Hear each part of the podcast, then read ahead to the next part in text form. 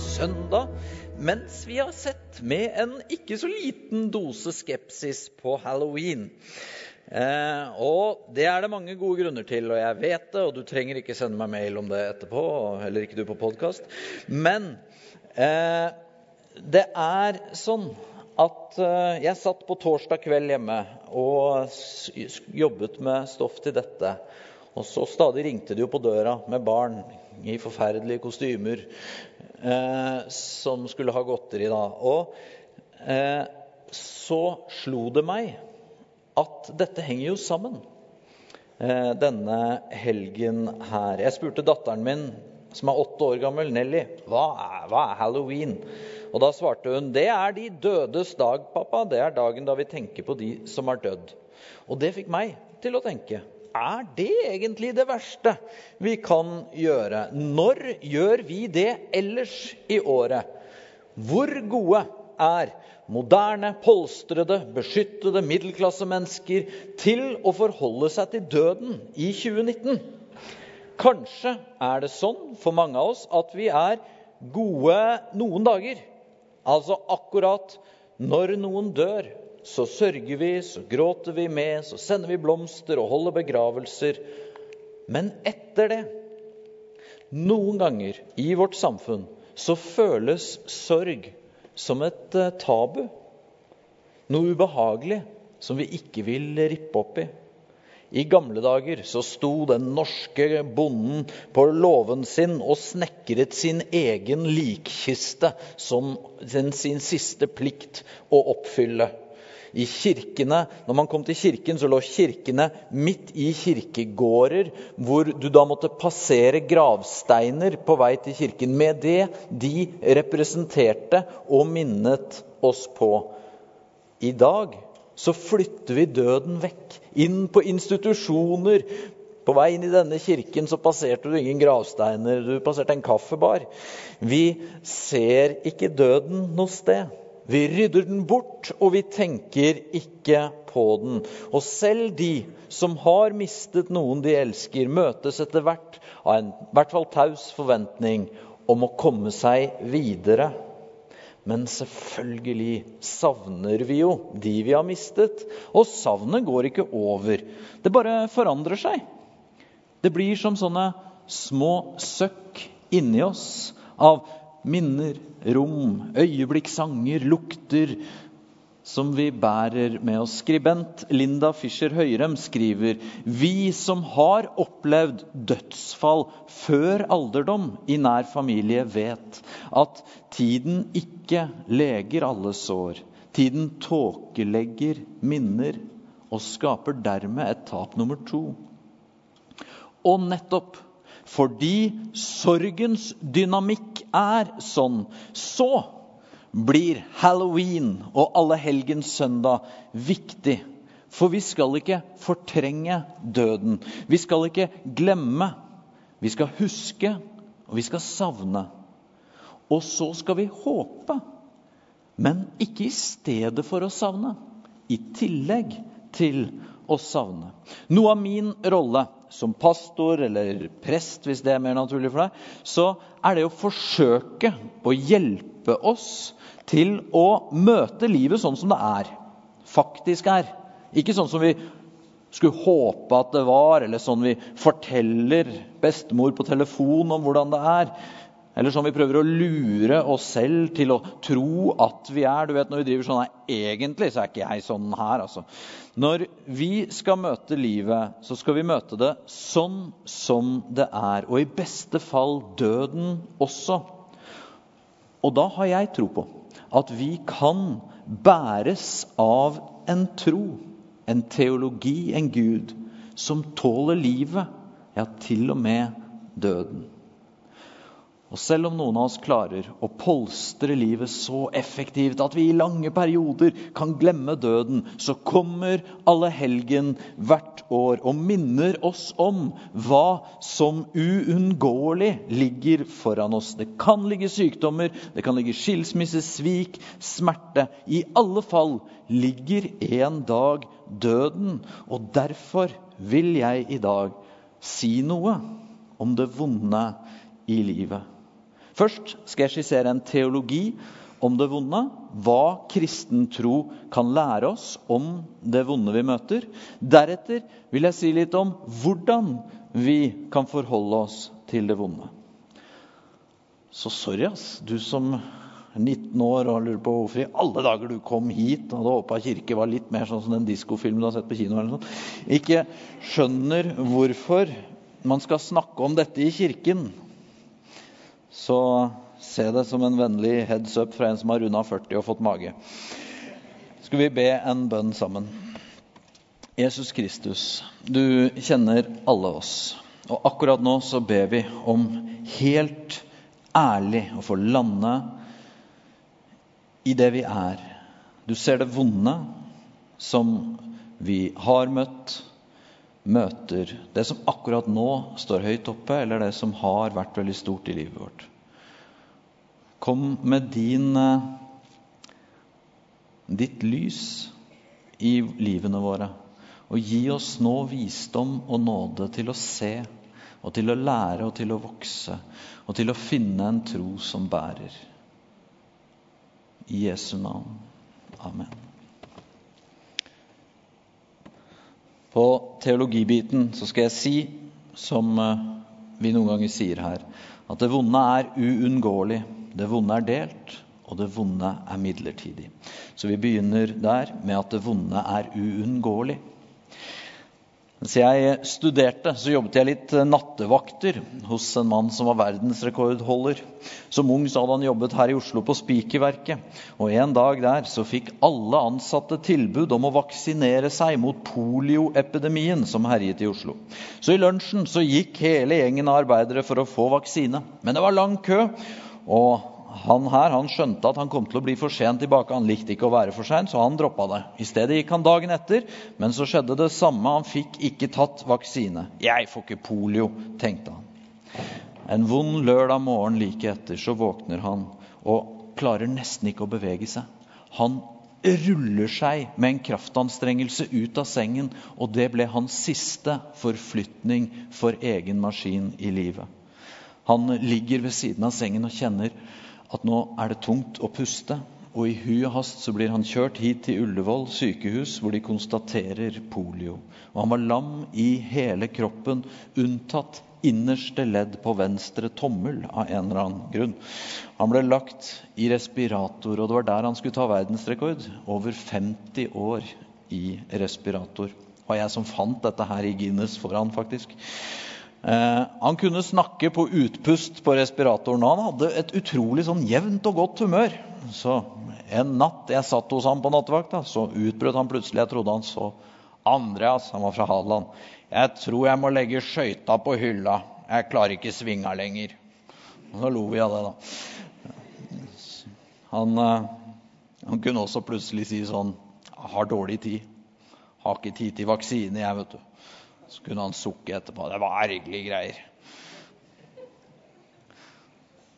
Han trodde på Gud.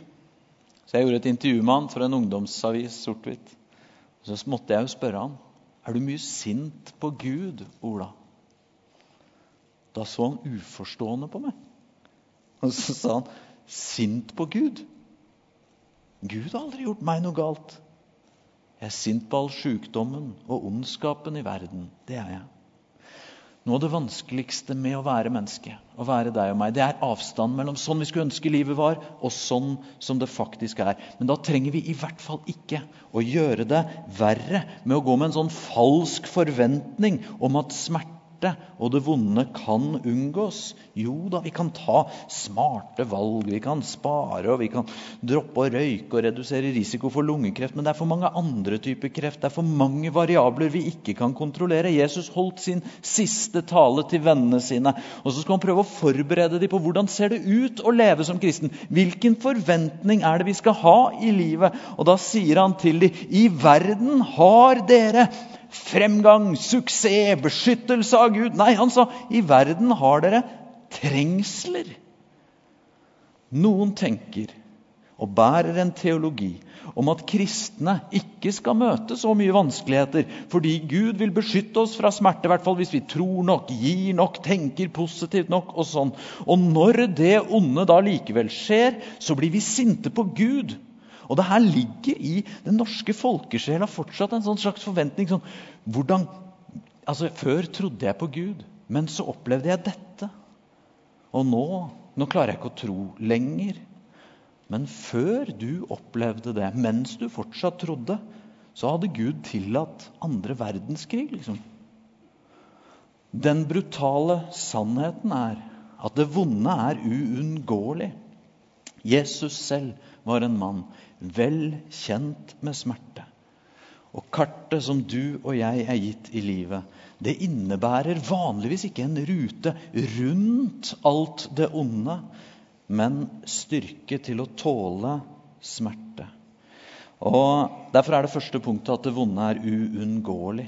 Jeg ville gitt deg feil kart hvis jeg sa at ikke det var sånn bare du er en god kristen. Ola i respiratoren han hadde aldri forventet at Gud skulle beskytte han fra det onde. og Derfor ble han heller ikke sint på Gud for det som skjedde med han. Men dette er jo ikke nok. Ja vel, det vonde er uunngåelig. Det var jo et hyggelig budskap eh, denne søndag kvelden, pastor. Men så, da? Det andre punktet det var at det vonde er delt. De to søstrene så på hverandre. Kommer han snart? Kanskje han ikke har fått brevet, eller kanskje han ikke skjønte alvoret i det vi skrev. Han må komme, han må komme. De satt stille og ventet og hørte, men ingen gikk på gårdsplassen utenfor. Det eneste lyden de hørte, det var den surklende pusten til broren deres. Han hadde ikke lenge igjen.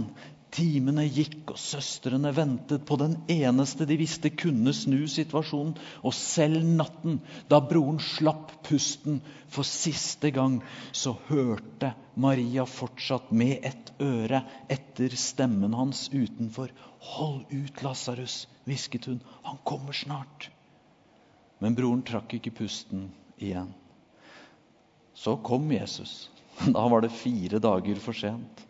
Han kunne jo ikke ha skjønt alvoret. Han kom til Betania, byen søstrene bodde. Og han kom for sent til til og med å få se liket etter Lasarus. For på disse varme stedene i verden så begraver de de døde med en gang. I Betania brukte de huler i fjellet. Søstrene de var helt tunge av sorg da Jesus kom. Herre, hadde du kommet før, så hadde ikke broren min vært død nå, sa Martha. Som så mange sørgende du og jeg også kan ha sagt til Jesus senere. Hadde du bare vært her, Jesus, hadde du bare svart bønnene våre og gjort som vi sa. Jesus så først ikke ut til å la det gå inn på seg. Han smilte til Martha, og så ga han henne gode nyheter. 'Broren din skal stå opp, Martha.' Og Martha smilte fjernt. 'Ja da, jeg vet.' Den siste dagen skal alle stå opp. Martha, jeg er oppstandelsen og livet, og den som tror på meg, skal leve selv om han dør. Og her, midt i det mørket Broren din er akkurat død. Så kommer Martha med en stor bekjennelse. Hun sier, 'Ja, Herre, jeg tror at du er Messias.' Guds sønn, han som skal komme. Tenk hvilken tro Martha viser her. Hun har akkurat ikke fått svar på sine største bønner noen gang. Hun har akkurat sett broren sin dø, selv om de var venner av Jesus. Og likevel så tror hun for den Gud er. Av og til sier jo vi at hvis du svarer denne bønnen, Gud, da skal jeg tro på deg. Men Martha trodde på tross. Dynamikken endrer seg når søster Maria kommer. Og hun faller sammen foran Jesus i fortvilelse. Og noe skjer i han. Han blir opprørt inni seg. Og det her er en sjelden beskrivelse av Jesus. Han blir rasende sint. De gikk til Lasarus' grav, og Jesus blir bare mer opprørt. Nå gråter Jesus. Hvorfor gjorde han det? Det har bibellesere og forskere stilt seg som spørsmål gjennom århundrene. Jesus visste jo det som du og jeg vet, som har hørt historien mange ganger før, at han snart skulle vekke Lasarus opp igjen. Men han gråt likevel. Og for vår tro og vår teologi så er det utrolig viktig at Jesus gråt den dagen. For gjennom det så får vi et glimt inn i Guds måte å se det vonde vi møter. Jesus gråt. Fordi han så hvordan døden driver og herser med menneskene. Han gråt for vennen sin, han gråt for søstrene som var så lei seg. Først prøvde han å gi Martha det store bildet av oppstandelsen til slutt. Men i Marias ansikt så ser Jesus smerten av det onde her og nå. Og han blir sint på døden, Jesus. Den svenske forfatteren Åsa Molin har skrevet en vakker bok som heter 'Og hjertet vender seg om'. og Der sier hun at Jesus gikk mot Lasarus' grav denne dagen som en soldat til kamp. Det at Jesus gråt, selv om han visste at det ville gå bra, det kan hjelpe deg og meg til hvordan vi forholder oss til Gud i det vonde. For i kristen tro så er ikke Gud en høy, fjern, upersonlig kraft som ser overbærende ned på vår fortvilelse. Det kan føles sånn. Og Derfor var det så viktig at vi fikk se Jesu følelser. For da kan vi flytte dette Jesusbildet over i våre situasjoner. Hva ville Jesus gjort i en slaveauksjon for flyktninger i Libya? hos kristne som får politiet på døra i Iran, eller hos barn som med hjertet i halsen står og tømmer ut mammas sprit i vasken. Eller som her i Betania, ved gravstedet til en venn som ikke skulle dødd enda. Det var ikke sånn det var ment å være. Og Det vonde i livet det er så meningsløst og tilfeldig at det holder ikke å bare vite at det er uunngåelig. Vi trenger også å vite at vi ikke er alene i det. Et av navnene som eh, den gamle profeten Jesaja gav Gud for å trøste og undervise folket, det var navnet Immanuel, som betyr Gud med oss. Ikke bare overhøyt der oppe, ikke bare foran så vi skal strekke oss etter et ideal, ikke bare bak som skal rydde opp etter feilene våre, men med oss midt i det vonde. Immanuel i smerten, Gud i smerten. Og dette bildet det sprengte folks forståelse av en gud. En gud som kan gråte. Så det første vi sa, det var at det vonde er uunngåelig. Det andre er at det vonde er delt med Gud selv. Og i nettene i livet vårt så er vi aldri helt alene, selv om det absolutt kan føles sånn. Nå kommer vi til det tredje og viktigste, mest håpefulle punktet. Det vonde, det er midlertidig.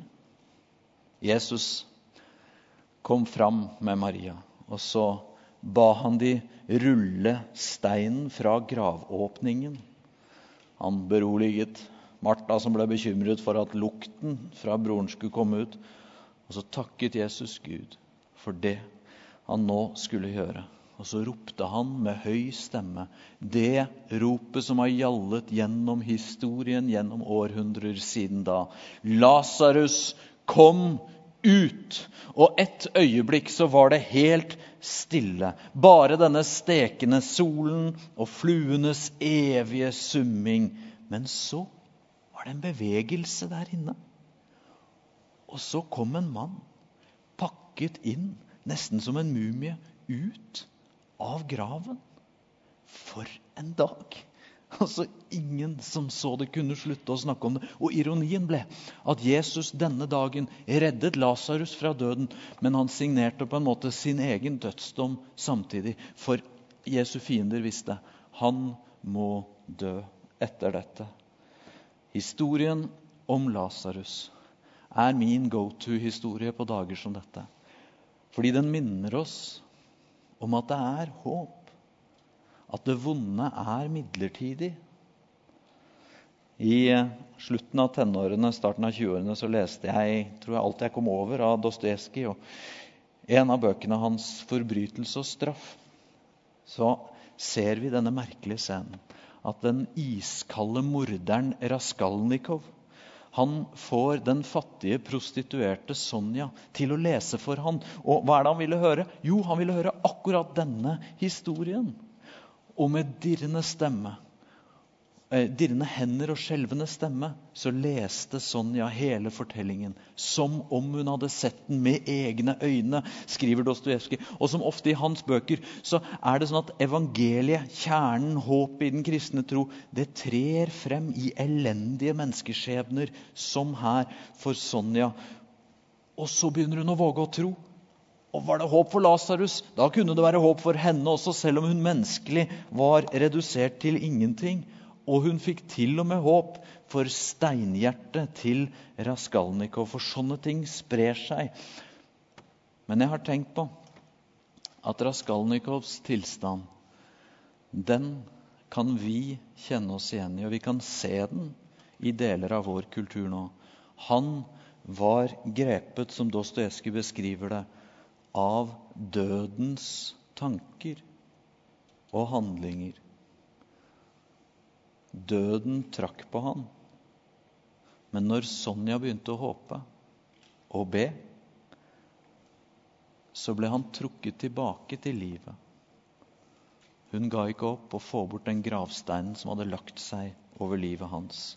Historien om Lasarus, det er historien jeg måtte stå her og lese for fem år siden. Da jeg skulle begrave min venn Arne Olav, som var møteleder her på disse gudstjenestene da han døde altfor ung. Historien om Lasarus er historien for de dagene du ikke har lyst til å stå opp, når verden bare har rast sammen og du ikke vet noen ting lenger. En fortelling for når du ikke orker å lese nyheter. Det er for mange dårlige. Historien om Lasarus. Det er for når vi kjenner at vi får lyst til å slutte å håpe. Det er allehelgenssøndag, og jeg prøver nå ikke å klappe deg fraværende på hodet og si at det ordner seg. For Gud er ikke sånn en fjern, upersonlig kraft langt unna vår smerte. Gud er en Gud som er sint og gråter. Og ikke mange uker etter dette med Lasarus, så er det jo jammen Gud selv som dør. Men så er håpet der. For det skjer oppstandelser. Det er bare at de ofte skjer så sakte. Martha og Maria de måtte se på at Lasarus ble dårligere og dårligere og dårligere. Til det var for sent. Og sånn kan vi også oppleve i vår smerte. Men selv om det vonde er uunngåelig, så er det vonde delt. Og enda viktigere, det vonde er midlertidig. Det er oppstandelse på vei. Det begynner nå, og det kommer til å bli fullført. Det vonde er midlertidig. Det er som om Lasarus står i et hjørne her og hvisker i kveld. Ikke gi opp. Det er ikke for sent. Det kommer en ny. Det kommer en evig morgen. Jeg siterte i stad Jesu løfte om at vi skulle møte vanskeligheter. Da må vi også ta med det han sa før og etter også. Hør nå. Dette har jeg sagt dere for at dere skal ha fred i meg. I verden har dere trengsler, men vær frimodige. For jeg har seiret over verden, over sykdom, over bitterhet. Jeg har seiret over misbruk og avhengighet. Og før eller senere vil den seieren også bli din. Legg merke til han sier vi kan ha fred. Ikke fred i at det vonde ikke kommer til å ramme oss. Han sier jo det. Vi, I verden har dere trengsler. Men vi kan ha fred i Han, for det vonde er midlertidig. Han har vunnet over verden, og hans seier er vår. Og dette folkens, det tenker jeg, det er en teologi som vi kan tro på, som vi kan leve i, og som vi til og med kan dø med. Det vonde er uunngåelig, men det er heldigvis delt med Gud, og det er midlertidig. Men da kommer vi over til det neste spørsmålet. Hvordan? Hvordan møter vi det vonde i livet? Og jeg har kjent i forberedelsene til dette at på den ene siden så våger jeg nesten ikke si noe. For hvem er jeg til å si? Jeg har på så mange måter hatt så mye flaks i livet. Men jeg hadde ikke gjort jobben min hvis jeg ikke hadde prøvd også å gjøre dette. Så her kommer et forsøk. Hvordan forholde oss til det vonde. Vi har lest noen barnebøker hjemme som er ganske morsomme. Eh, og det, De handler om to brødre. Det er ikke sikkert du leser så mye sånne bøker for tiden. Men er, eh, den ene er rampete Robin, og så er det den irriterende lillebroren hans, perfekte Peter. Og jeg tenkte nå at vi skulle gi én respons fra hver av dem. Først perfekte Peter respons på det vonde, og deretter rampete Robin. Perfekte Peter. Tre kjekke, smarte, talentfulle unge menn var tatt fra familiene sine til et land langt borte. Og nå sto de i slottet til sin verdens mest grusomme hersker, kong Nebukanesar. Men der fikk de et enkelt valg. De kunne inngå et lite kompromiss med troen sin, tilbe Nebukanesers gudebilde, eller bli kastet inn i en forferdelig ovn. Skulle vært enkelt. Klart de ikke ville dø. Hva hadde Gud gjort for dem i det siste uansett? Altså, det sies jo Folk stiller spørsmål liksom, vinner vi. Er jeg på vinnerlaget? Landet deres var knust, folket var fanget. Alt håp var ute. Vi snakker ikke om sånn litt sekularisering eller tilbakegang for troen deres. Den var fullstendig knust, borte. De sto i hjertet av Babylon, imperiet som åpenbart hadde fremtiden foran seg. Så det ut som der og da. Men gutta de sa nei til kongen. De kastet bort fremtiden sin og ville heller kastes i en ovn. Nebukanesar, kongen, han hadde jo ikke tenkt at dette skulle gå så langt. Han hadde jo bare villet sikre lojalitet fra noen av de fineste familiene i det okkuperte folket. Og hvis de offentlig hadde fornektet religionen sin, så ville det vært mye lettere å forme dem til den babylonske kulturen. Men nå måtte han jo gjennomføre og da var det ingen håp igjen for gutta. Eneste spørsmålet var jo nå om Gud ville gripe inn og redde dem. Shadrach, Meshach og Abednego, som de het, de sa da at de trodde Gud kunne det. Men om han ikke gjør det, skal du vite, konge, at vi likevel ikke vil dyrke din Gud og ikke tilbe gullstatuen du har reist. Her er det sterke idealet. Hvis vi møter det vonde forberedt, for vi vet det kommer. Vi forstår, vi møter det ikke alene, men Gud er Immanuel med oss i det, og vi holder fast på at det vonde er midlertidig. Da kan vi en dag ved Guds hjelp få svare som disse gutta gjorde. Jeg satt på dødsleiet til Marte, en ung mor her i kirken. Hun levde så uendelig tappert, særlig de siste 14 dagene. Jeg spurte henne hvordan, om hun fortsatt håpet at Gud skulle gripe inn. Vi var så mange som hadde bedt. Da svarte hun, 'Jeg tror på helbredelse, Andreas.' 'Jeg tror og har sett at Gud kan gripe inn. Selvsagt håper jeg fortsatt på det.' Men om han ikke gjør det, skal jeg likevel stole på Gud. Jeg vet ikke om jeg ville vært like sterk som Marte, som Shadrach, Meshach eller Abednego. Men jeg håper å kunne møte det vonde i troen på at Gud kan gripe inn, Gud kan ta det bort, ta bort sykdommen, ta bort vanskeligheten og redde meg. Men om han ikke gjør det, at jeg fortsatt overgir meg i Guds hender. Men nå kommer et svært og granskende men. Jeg vet ikke om jeg ville klart det. Og hva da? Hva når vi møter det vonde og enda en gang faller? Faller tilbake til avhengighet, til bitterhet, til destruktiv selvmedlidenhet, til fordømmende tanker mot alle andre og egoistiske, duste valg som jeg vet ikke er bra for meg i lengden. Hva gjør vi da? Når det vonde i livet ikke foredler oss og gjør oss sterkere, men heller gjør oss mindre. Da er vi over på rampete Robin-siden. Hva gjør vi når ikke vi klarer å være perfekte Peter, men blir rampete Robin? Rundt den samme tiden i, da Israel drev og falt sammen med, med, i Babylon, folket var fanget, så viste Gud profeten Jeremia noe håpefullt. Jeremia han levde i en tid hvor det var vanskelig å drive og tro på eh, fremtiden, for det var så mye som gikk gal vei. Og som deg og meg så kunne Jeremia komme i tvil. Er det egentlig håp for oss når det kommer til stykket? Går du ikke lei, Gud? Altså, Vi er så skjøre, vi går oss bort hele tiden. Det hadde vært mye bedre med engler eller steiner eller statuer eller sånne perfekte Petere. Men vi er jo som vinden og børsen, Gud. Vi er gode i medgang, men du kan ikke stole på oss. Dette ordet kom til Jeremia fra Herren. Stå opp og gå ned til pottemakerens hus.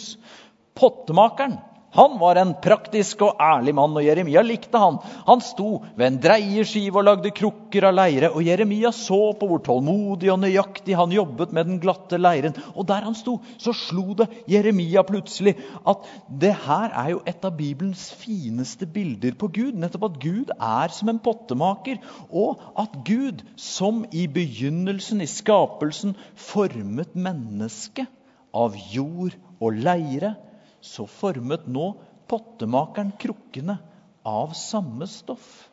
Og Jeremia forsto at Gud alltid er pottemaker.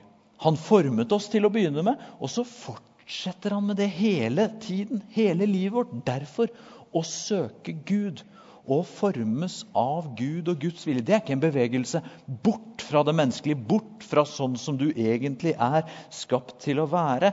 Tvert imot det er en bevegelse mot de samme formene hendene som fra begynnelsen av skapte deg og har formet deg og kjenner og elsker deg. Men der Jeremia sto og så, så kunne han jo ikke la være å overraskes over det som overrasker oss i livet, og som ligger bak denne talen her. Nemlig innsikten av hvor ofte denne leiren kom feil selv i de drevne, trygge hendene til pottemakeren. Og da kan jo vi begynne å stille spørsmål som hvorfor kom det feil? Altså, Er det noe med leiren, er det noe med stoffet, er det noe med omstendighetene? Er det slurv fra pottemakeren?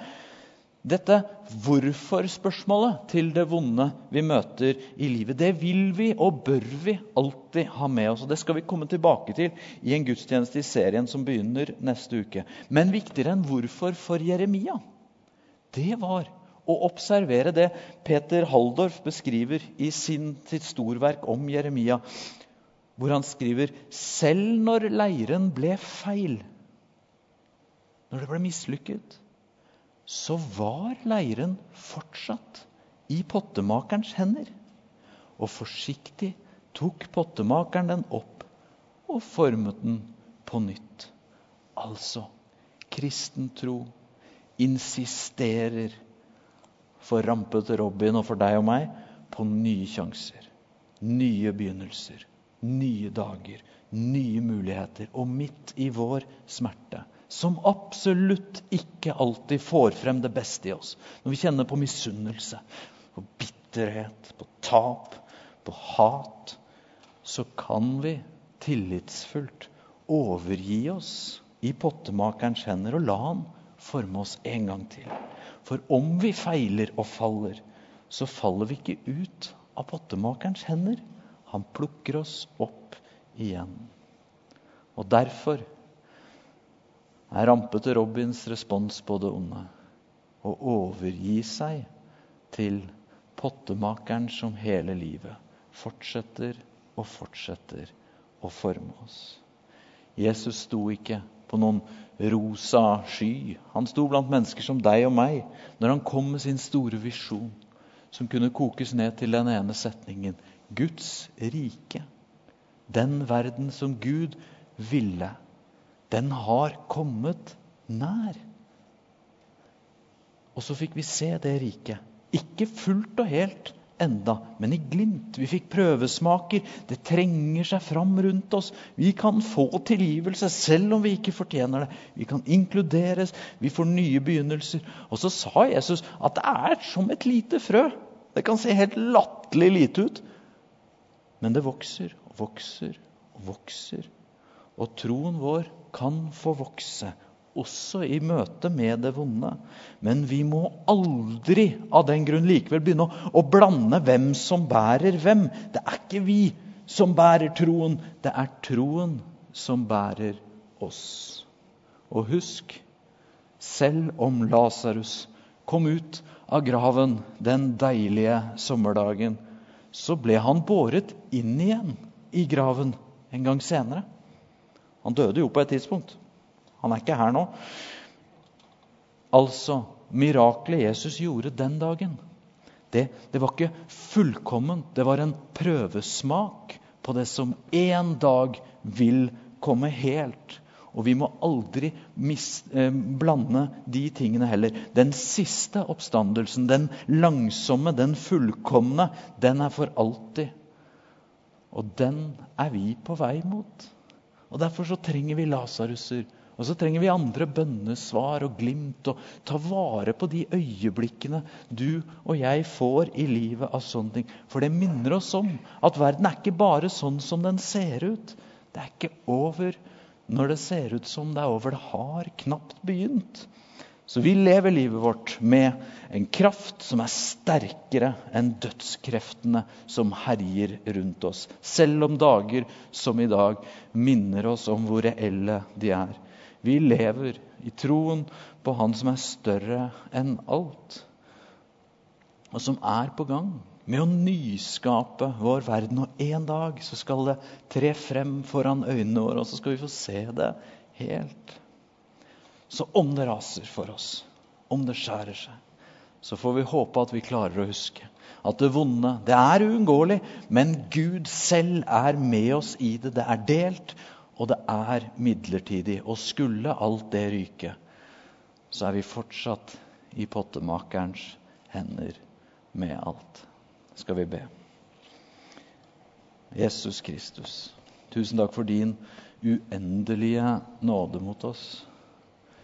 Og i møte med dette svarte, vonde, dette i livet vårt som vi så gjerne skulle sluppet, så ber vi om å få se at ditt liv og ditt lys og ditt håp det trenger igjennom og gir styrke i dag for i dag og i morgen for i morgen. Og at en dag så skal vi få snu oss og se at du bar oss igjennom og at du bar oss frem til deg. Jesus Kristus, kom, kom, og særlig til den som trenger det aller, aller mest. Amen.